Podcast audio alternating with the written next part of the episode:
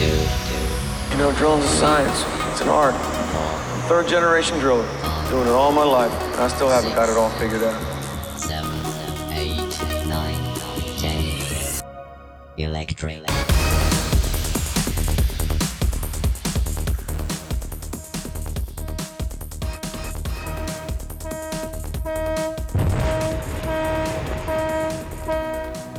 Stefan Lövdahl, gillar du när det smäller? Absolut. Vem gör inte det? Precis. Bra, för smällar blir det mycket av i det här avsnittet. Välkomna till ytterligare ett avsnitt av Borgmästarpodden! Podden som har som ambition att göra dig till en riktig mästare. Idag ska vi prata om sprängning. Eh, eller åtminstone vad du som borrare kan göra för att sprängningen ska gå så smidigt som det bara går. Hur viktig är borrningen för sprängresultatet? Och vad tycker egentligen dina sprängarkollegor där ute om hur du gör ditt jobb? Stefan, är du redo? Tänt vad det är.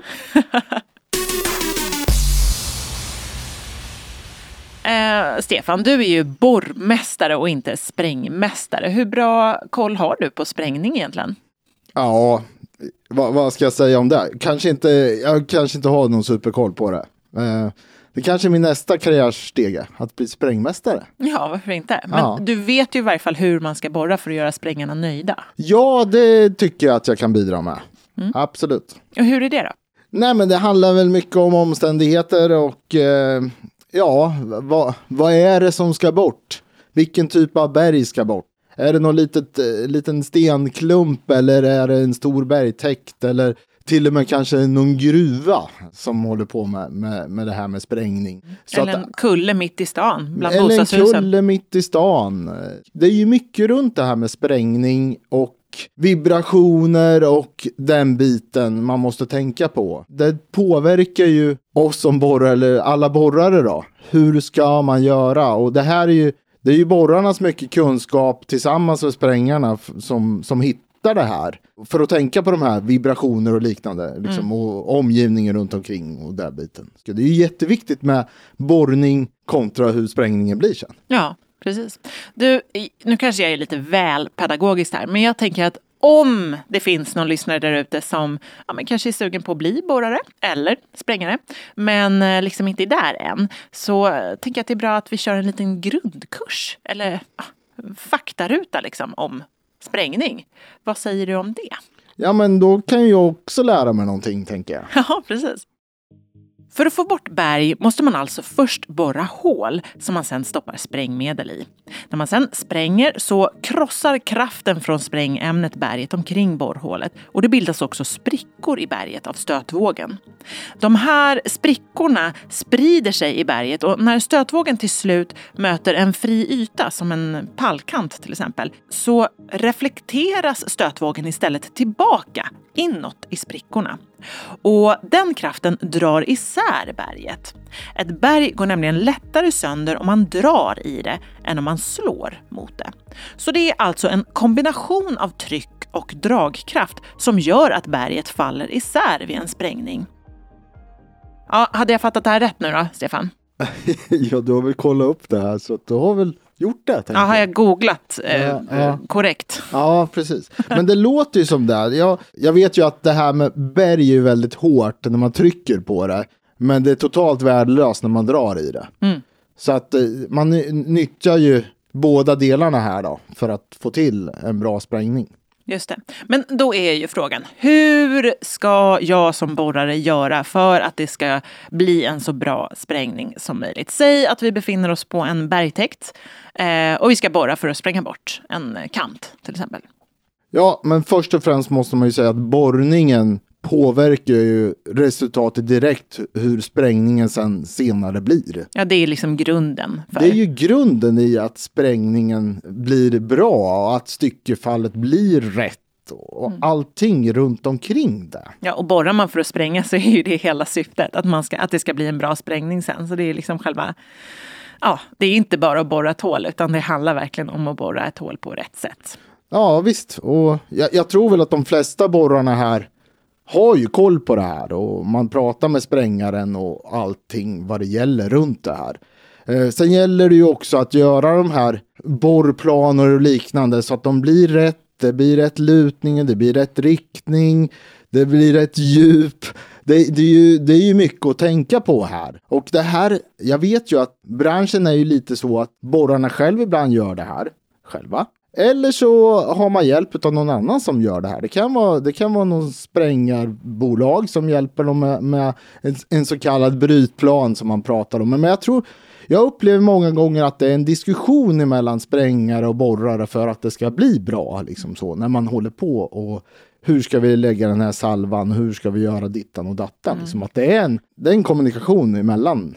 Precis, och kan det inte vara så att den här brytplanen är väldigt övergripande. Nu har ju inte jag någon aning om hur det är, men, men jag kan tänka mig att den är ganska övergripande. Så här, okej, så här, de här bergstyckena ska vi spränga loss i den här ordningen. Men sen är det upp till sprängare och borrare att liksom, ja, göra det här på ja. bästa sätt och räkna ut hur man ska göra det då, för mm. att det här målet i brytplanen ska uppnås. Precis, och jag tänker att man, man har ju säkert en idé men sen när man väl är på plats och man gör det här och det blir sprängningar och sånt där så tror jag man ändå kanske måste justera det där efterhand hela tiden för att det funkar inte riktigt det där. Vi måste tänka på det här eller det blev något annat där det är mycket sånt som man har en diskussion mellan sprängare och borrare så att det blir bra i slutändan. Mm. En sån här plan finns väl inte bara till för att man ska veta exakt vad man ska bryta och i vilken ordning, utan det måste vara en praktisk aspekt på det också, att man måste kunna ta sig fram.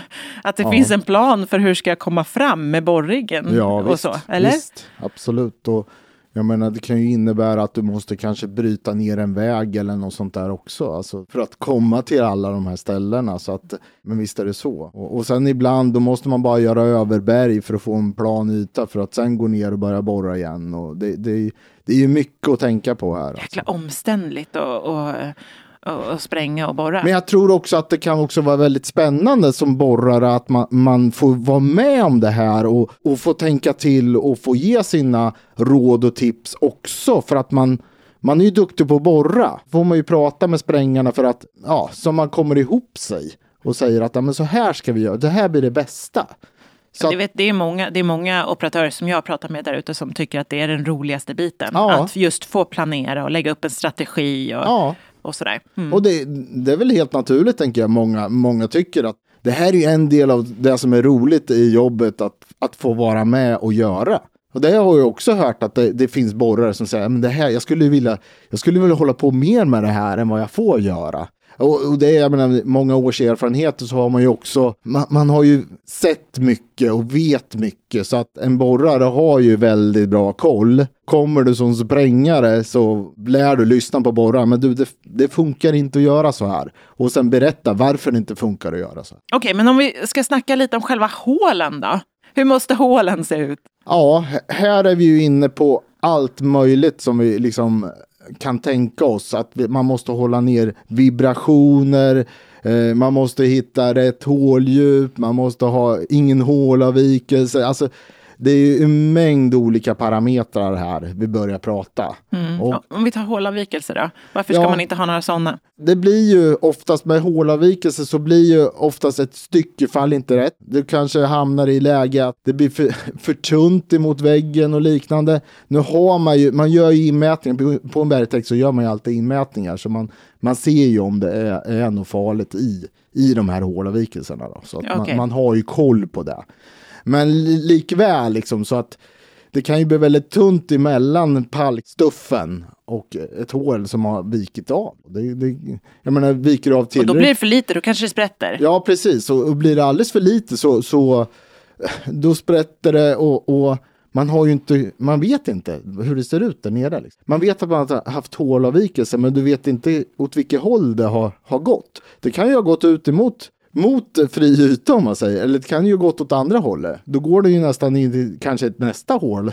ett annat hål eller något sånt där. Ja, det är väldigt viktigt det här med hålavvikelser. Och jag vet ju att det finns ju också de som redan i borrplansyfte, de vet att hålen kommer alltid att dra sig åt något håll. Så man redan i en borrplan lägger upp en strategi för att de, alla de här hålen kommer dra sig lite dit. Mm. Så man har lite lite sådana, ja men vi har alltid hålavvikelse här, det är svårt att undvika det. Liksom. För att berget är Ja, knepigt. precis. Ja.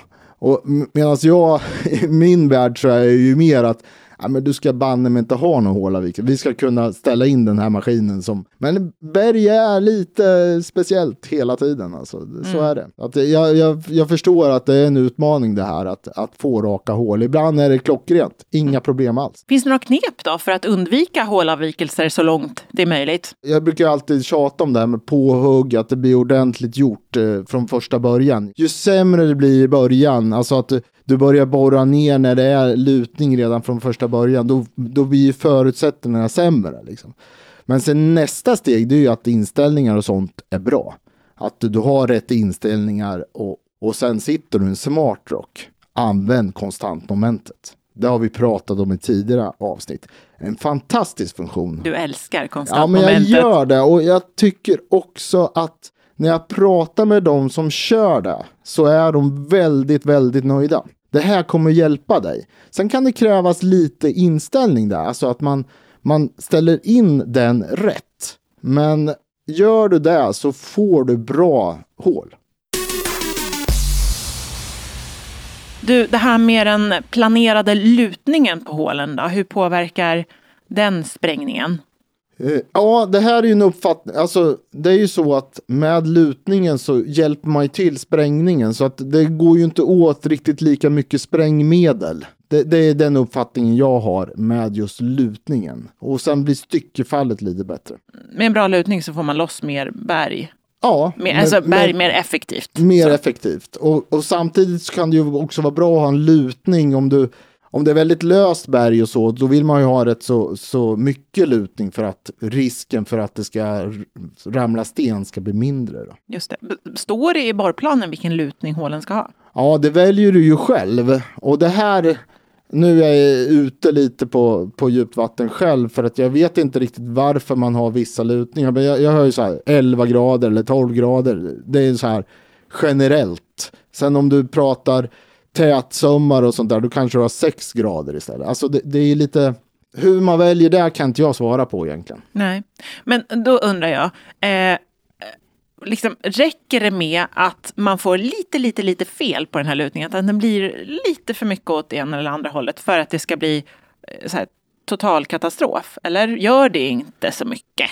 Så här är det, med en graders fel så har man en och en halv centimeter fel per meter.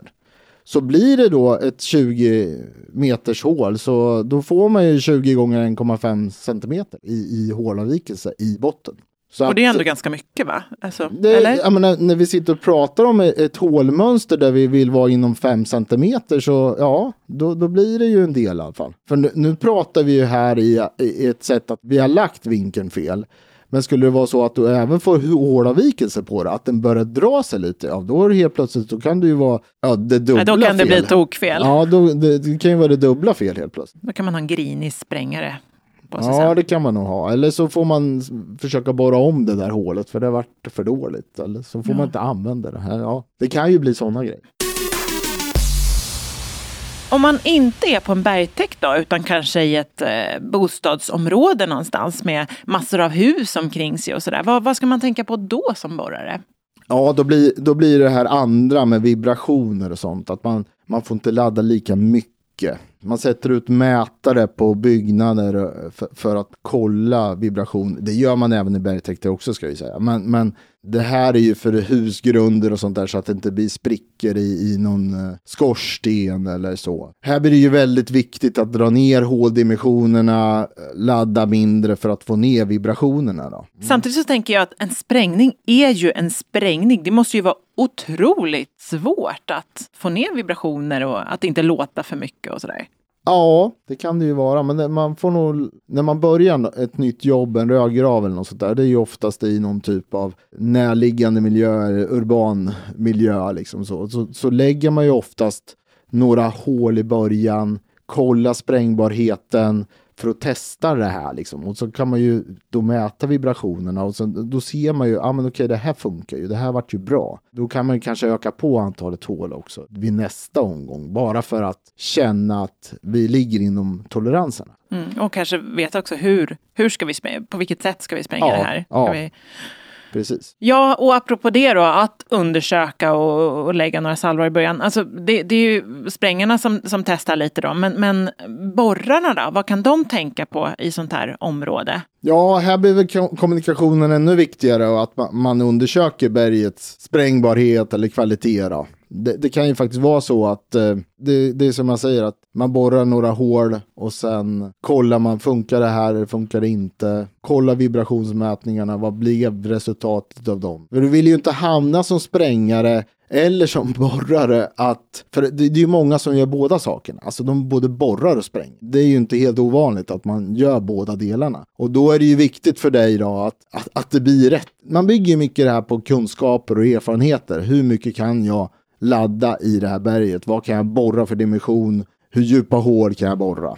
Till slut kanske det inte funkar att borra, ja då får man spräcka istället. Sen har jag hört talas om något som heter MVD-loggning. Vad betyder det? Jo, MVD-loggning är ju någonting som vi har i våra maskiner.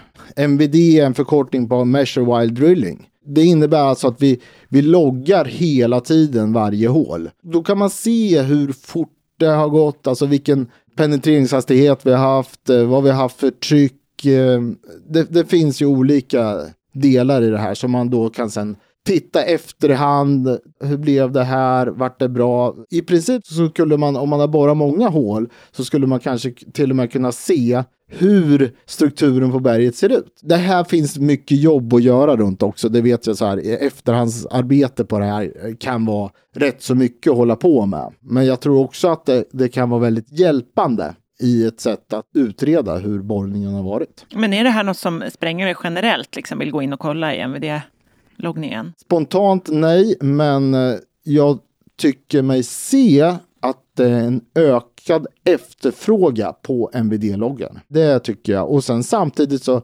man kan ju även göra sprängrapporter. Många vill ju ha en sprängrapport. Efter. Det, det är liksom, man, man fyller i något dokument, antingen vid någon, någon padda man har eller något eh, analogt papper. Så fyller man i varje hål. Eh, så. Och, och vad det, exakt vad det är för info på den, det vet jag inte exakt. Men det är lite håldjup och, och grejer. Men eh, i den här loggen och sånt, då kan vi faktiskt ta ut en sprängrapport. Då får man ju redovisat alla hål, hur de ser ut och hur de var. Sen funderar jag lite på det här med dolor, alltså gammalt sprängmedel som inte är sprängt ännu. Ja. Det kan ju ligga där och vara hur gammalt som helst har jag förstått. Ja. Och ändå vara livsfarligt om man kommer åt det. Absolut. Hur, hur, tänker, hur ska man som borrare tänka på det? Ja, men jag har ju hört det där om doler att, att gamla sprängbottnar, det får du räkna med att det, fin det finns gamla sprängmedel där. Och de blir ju lite så här. Det låter ju lite, superläskigt. Ja, det låter man, då blir man ju lite orolig. Oj då, då vill man ju kanske inte gärna borra där. Såklart. För Det är en viss risk med att borra i en dola. Men kan man upptäcka det här gamla sprängmedlet på något sätt? Då? Det finns ju, det finns ju företag som håller på med så här, kallas det spränghundar eller dolhundar eller vad man nu kallar det liksom, som, som springer runt på berget och letar gammalt sprängmedel. Så att eh, det, det finns möjligheter att titta på sånt. Men gör man, om det nu finns på så många ställen då, tror man, är det här något som görs hela tiden? Att man innan man börjar borra någonstans så är det alltid någon som kollar om det finns gamla sprängmedel? Ja, jag, jag vet inte. Du, det här känner jag att vi kan... Eh, Ja, det, det, det är nästa avsnitt kanske. ja, precis. Det här kan Kanske vi... ett nytt avsnitt om, om doler för att eh, jag vet inte exakt men nej, som jag sa förut, det, jag har hört är att gamla sprängbottnar, då får du räkna med att det finns doler.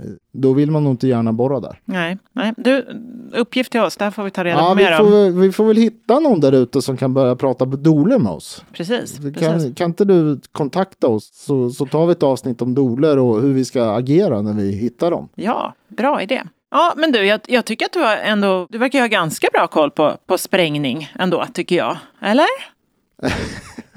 Ja, du, tänker så. Ja, ja, kanske lite. Kanske lite mer än dig. Kanske. Ja, men Jag precis. Allt, för allt handlar ju om vad man jämför med. Ja, precis. Ja. Eh, någon som definitivt har vrålkoll på sprängning, det är Johan Andersson. Han jobbar som sprängare på NCC och är efter vad ja, men kollegor till honom i branschen säger riktigt duktig och kreativ på berget. Jag ringde upp honom för att fråga honom vad han tycker att en borrare ska ha gjort för att hans jobb ska gå så smidigt som det bara är möjligt. Så här lät det. Tjenare Johan! Du har precis sprängt av en salva va, eller? Jo, det stämmer precis jättebra. Hej hej! Hej, hej! Var är du någonstans nu och springer? Jag har varit i Norrköping, men jag satt med bilen och åkt lite grann hemåt. Okej.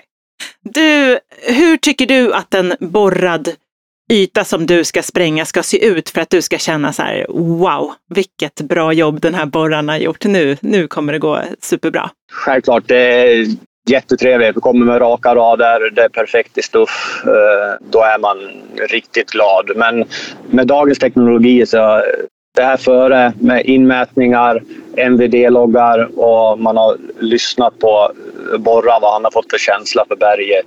Då är man, ser det bra ut, då är man det riktigt wow. Tycker du generellt att borrare där ute gör vad de kan liksom, för att ditt jobb ska gå så enkelt som möjligt? Att de förstår vad, det, vad du behöver, så att säga? Ja, absolut. Det gör de. Jag kan bara se till mig själv. Jag vill inte bara komma dit, skjuta hålen och eh, åka därifrån. Kommunikationen liksom är de, det, Är det slaget berg, hårt berg, svårt att borra eller är det perfekt? Viktig information. Så det, är- de, de vet det där, Borrarna sitter liksom på kunskap som du verkligen, verkligen behöver för att kunna göra ditt jobb, helt enkelt. helt klart. Det vanligaste irritationsmomentet för dig då på jobbet, ja, men när du ska till att spränga, vad, vad är det? Det är att eh, enligt GPSen ska håret sitta längst ner i en skreva eller längst ut på en kant. Oftast du går att flytta håret typ en halv meter. Då kommer man ifrån den där skrevan och man kommer ifrån kanten lite grann. Och då, det underlättar mitt jobb väldigt när det inte är någon risk att det ramlar ner några grejer i håret. Och jag kan oftast ladda det lite bättre om det sitter en bit från kanten. Det låter som att du då skulle ha velat att borraren kanske tänkte lite själv, inte bara gick efter GPSen, utan liksom så här, mm, Ja, ja det, det kan ju liksom bli riktigt farligt om eh, man har laddat ett hål och det ramlar ner någon sten och fastnar bara en liten bit ner. Då får man inte ner proppgrus. Då kan det flyga sten. Jag kan reda upp en hel del med hur jag laddar och hur jag kopplar en salva. Men eh, en bra borrad salva, den, eh, den kan nästan vem som helst få riktigt bra. Vad eh, utgör en riktigt duktig sprängare? Ja, att man har eh, kommunikation och diskussion och engagemang. Att man tänker utanför boxen. Vill jag prova och testa det här, det här ska fungera och, och ta hjälp av borrare och få till en lite annorlunda borrad salva eller något sånt där. Då, Har du något exempel på när du har tänkt utanför boxen, när du har varit tvungen att göra det? Alltså det gör vi nästan lite grann hela tiden. Så med, vi har ju många ställen vi har väldigt stora vibrationsproblem och sådär. Och då, då måste vi försöka tänka om. Traditionellt med, med fulla hål och i laddningen och traditionell borrning, då, då fungerar det inte. Får göra om och, och hitta vägar att gå för, för att sänka vibrationen. Ja, en riktigt duktig borrare då? Hur är, hur är han eller hon, tycker du? Ja, men det är ungefär lika. Vill jag prova, funderar och, eh, och vill ge med sig av den informationen som finns. Det är riktigt bra. Sen det är all, alltid bra med att det är snyggt. Eh, Man gör vad man kan för att få så raka hår som möjligt. Snyggt, prydligt, bra kommunikation och engagerad i sitt arbete och mån om att göra ett bra jobb. Låter som att det, det är det som gäller. För både sprängare och borrare. Ja, och det är, alltså, i, i den här branschen, vi är eh, väldigt få som inte är engagerade. För alltså, annars skulle man inte hålla på med det här. Vara ute i ur och skur och, och borra det på sin miljö också. Så det, det är riktigt bra engagemang rakt igenom. Plus att det rör sig om sprängmedel ändå, tänker jag. Det är alltid roligt när det smäller. Jag är alltid, alltid nervös innan en sprängning. Och det, det har jag sagt, så den dagen jag inte är, känner någonting att jag ska trycka av en salva, den dagen ska jag sluta. Bra kommunikation och att man är engagerad som borrare, det verkar ju vara ja, men nyckelingredienser för att sprängarna ska bli, bli nöjda, verkar det som här enligt Johan i alla fall. Vad tänker du? Ja, och det är väl som i alla, allt. Kommunikation är ju bland det svåraste vi, vi har. Det är ju utmaningar med alla och kommunikation och det här är ju jätteviktigt att det blir en bra kommunikation mellan två parter. Ja, men sprängarna är ju verkligen helt beroende av den information och kunskap som borrarna sitter på. Ja, Så att, eh, där kan man ju verkligen förstå att det är viktigt för dem. ja och, och samtidigt det här med att, som man nämner, tänka till och Ja, men du kanske inte ska gå på GPSen hela tiden. Du kanske får lägga tå lite på sidan om för att det blev bättre så. Men vad en borrare har ju det här i sig redan. Men om du inte kanske håller på så länge så då går du stenhårt på den där GPS-signalen och sen sätter du hålet där det ska sitta.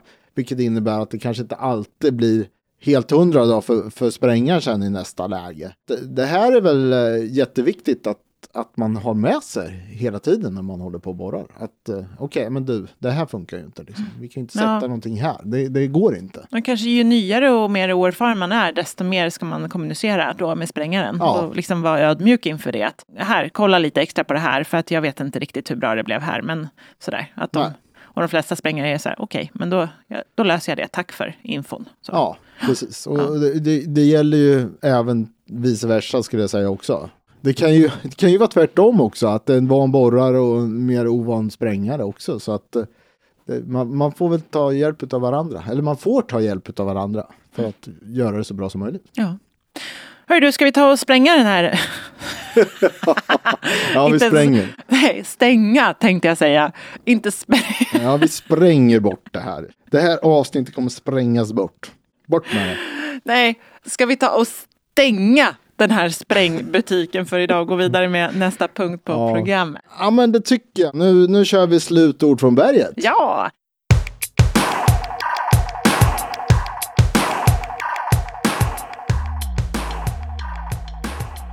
Och den här gången så ska vi få höra Frida Eriksson. Hon jobbar på Berg och byggteknik i Norberg och kör en Flexirock T15. Och något som är lite speciellt med Frida är att hon började under jord för att sen gå över till ovan jord. Det tycker inte jag man hör om att folk gör så ofta, eller hur?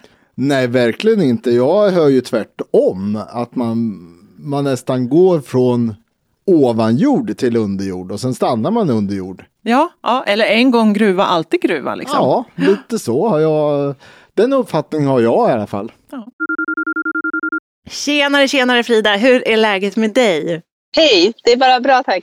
Du, var borrar du någonstans i, idag? Vad gör du? Vad har du för uppdrag? Jag håller på att borra för eh, darrning, eh, stenspräckning. Okej, så du är inne i stan någonstans eller vad? Ja, precis, där, där det inte går att spränga. Så då är det stenspräckning. Varför började du borra? Hur kom det sig? Jag tycker att det är ett intressant och roligt arbete. Men hur kom du i kontakt med, med yrket eh, från början? Jag gick ju bergarbetarutbildning så då hade jag praktik då i Dannemora gruva och där eh, så fick man prova på olika yrken inom tillredning, eh, ortdrivning och så vidare. Och sen har det banat iväg. Ja, för du har ju gått nu från att borra under jord till att gå ovan jord. Hur kommer det sig? Ja, det var ju framför allt att inte jobba de här eh, sjukvårdsskiften utan att jobba måndag, fredag och kunna komma hem till familjen. Vilka är de största skillnaderna skulle du säga på att borra ovan jord mot att borra i en gruva? Största skillnaden är ju att det är eh, gott om plats för det mesta här ovan jord. Sen är det ju att vi är här ovan jord mycket med luftspolning istället för vattenspolning då, under jord. Då. Sen tänker jag på vädret måste ju vara, alltså att man måste förhålla sig till vädret på ett helt annat sätt ovan jord, eller hur? Gruvor har ju,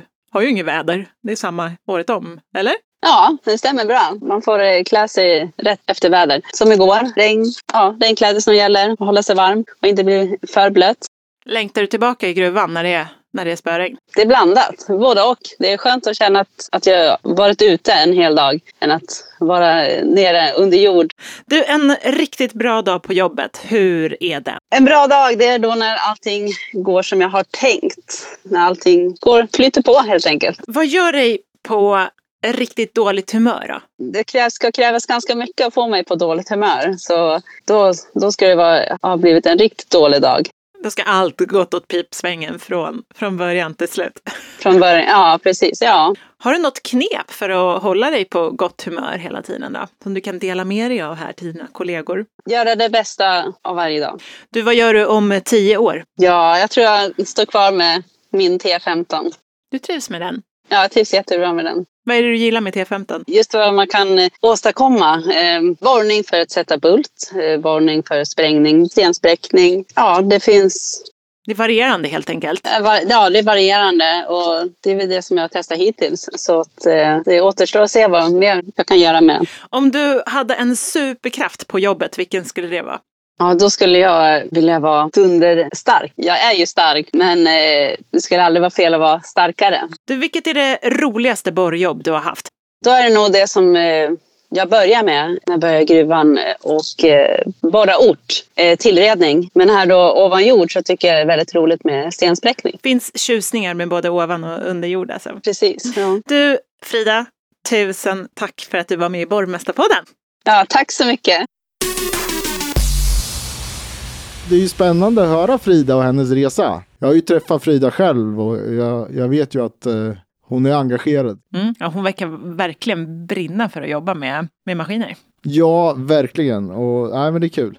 Hörni, tusen tack för att ni än en gång har lyssnat på oss. Hoppas att ni känner er åtminstone ja, men, lite berikade i alla fall. Annars får ni väl höra av er och klaga lite kanske. Gå nu in på bitsmagasin.se för att få fler tips och eh, läsa om eh, fler borröden där ute. Och glöm inte heller att prenumerera på den här podden så ni inte missar något avsnitt. Och du, eh, är det så att du har superkoll på det här med dolor, hör av dig till oss. Det här vill vi ju verkligen eh ta reda på mer om, eller hur? Ja, det skulle vara jättekul. Ja, och lite Och jag, tror, läskigt. jag, tror, jag tror att alla skulle tycka det var intressant. Hörni, ha det bra. Hej då!